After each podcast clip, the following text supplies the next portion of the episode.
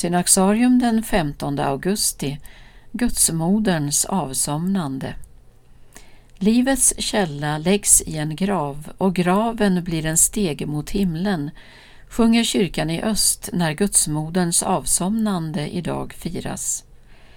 Ända sedan 100-talet har Marias avsomnande och därmed hennes upptagande till himlen firats den 15 augusti. Hur gammal Maria blev när hon dog och hur hennes avsomnande gick till säger Nya testamentet inget om.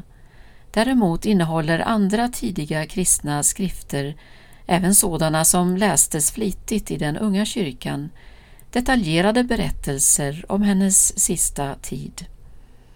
I dessa berättas att när Maria, som mycket gammal, en dag bad på Olivberget uppenbarade sig ängeln Gabriel för henne med en kvist från ett fikonträd i handen. Han sa om tre dagar ska din son, vår Gud, ta dig till sitt himmelska rike, där du tillsammans med honom skall regera i evighet. Ängeln gav Maria kvisten och försvann sedan. Maria blev mycket glad och föll på sina knän och tackade Herren länge för att hon nu skulle få lämna jordelivet och flytta till det eviga riket. Hon kallade på alla Jesu vänner och när de kom visade hon dem kvisten från paradiset.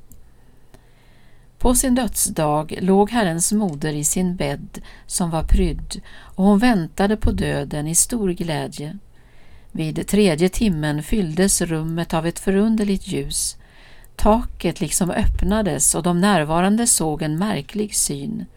Herren Jesus själv steg ner med himlens änglar och sina heliga för att hämta sin moders själ. Maria ropade Min själ lovar Herren och min ande fröjdar sig i Gud, min frälsare, ty han har sett till sin tjänaringas ringhet. Änglarna sa med Gabriels ord Var hälsad, du högt benådade, Herren är med dig, välsignad vare du bland kvinnor.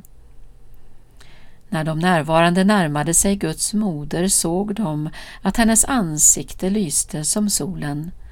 En doft av vällukt fyllde rummet och alla blev fyllda av en outsäglig glädje. Genom Marias sons fullkomliga offer har döden slukats av livet. Från den stunden är varje människas död, när hon insomnar i tron, ett upptagande till himlen.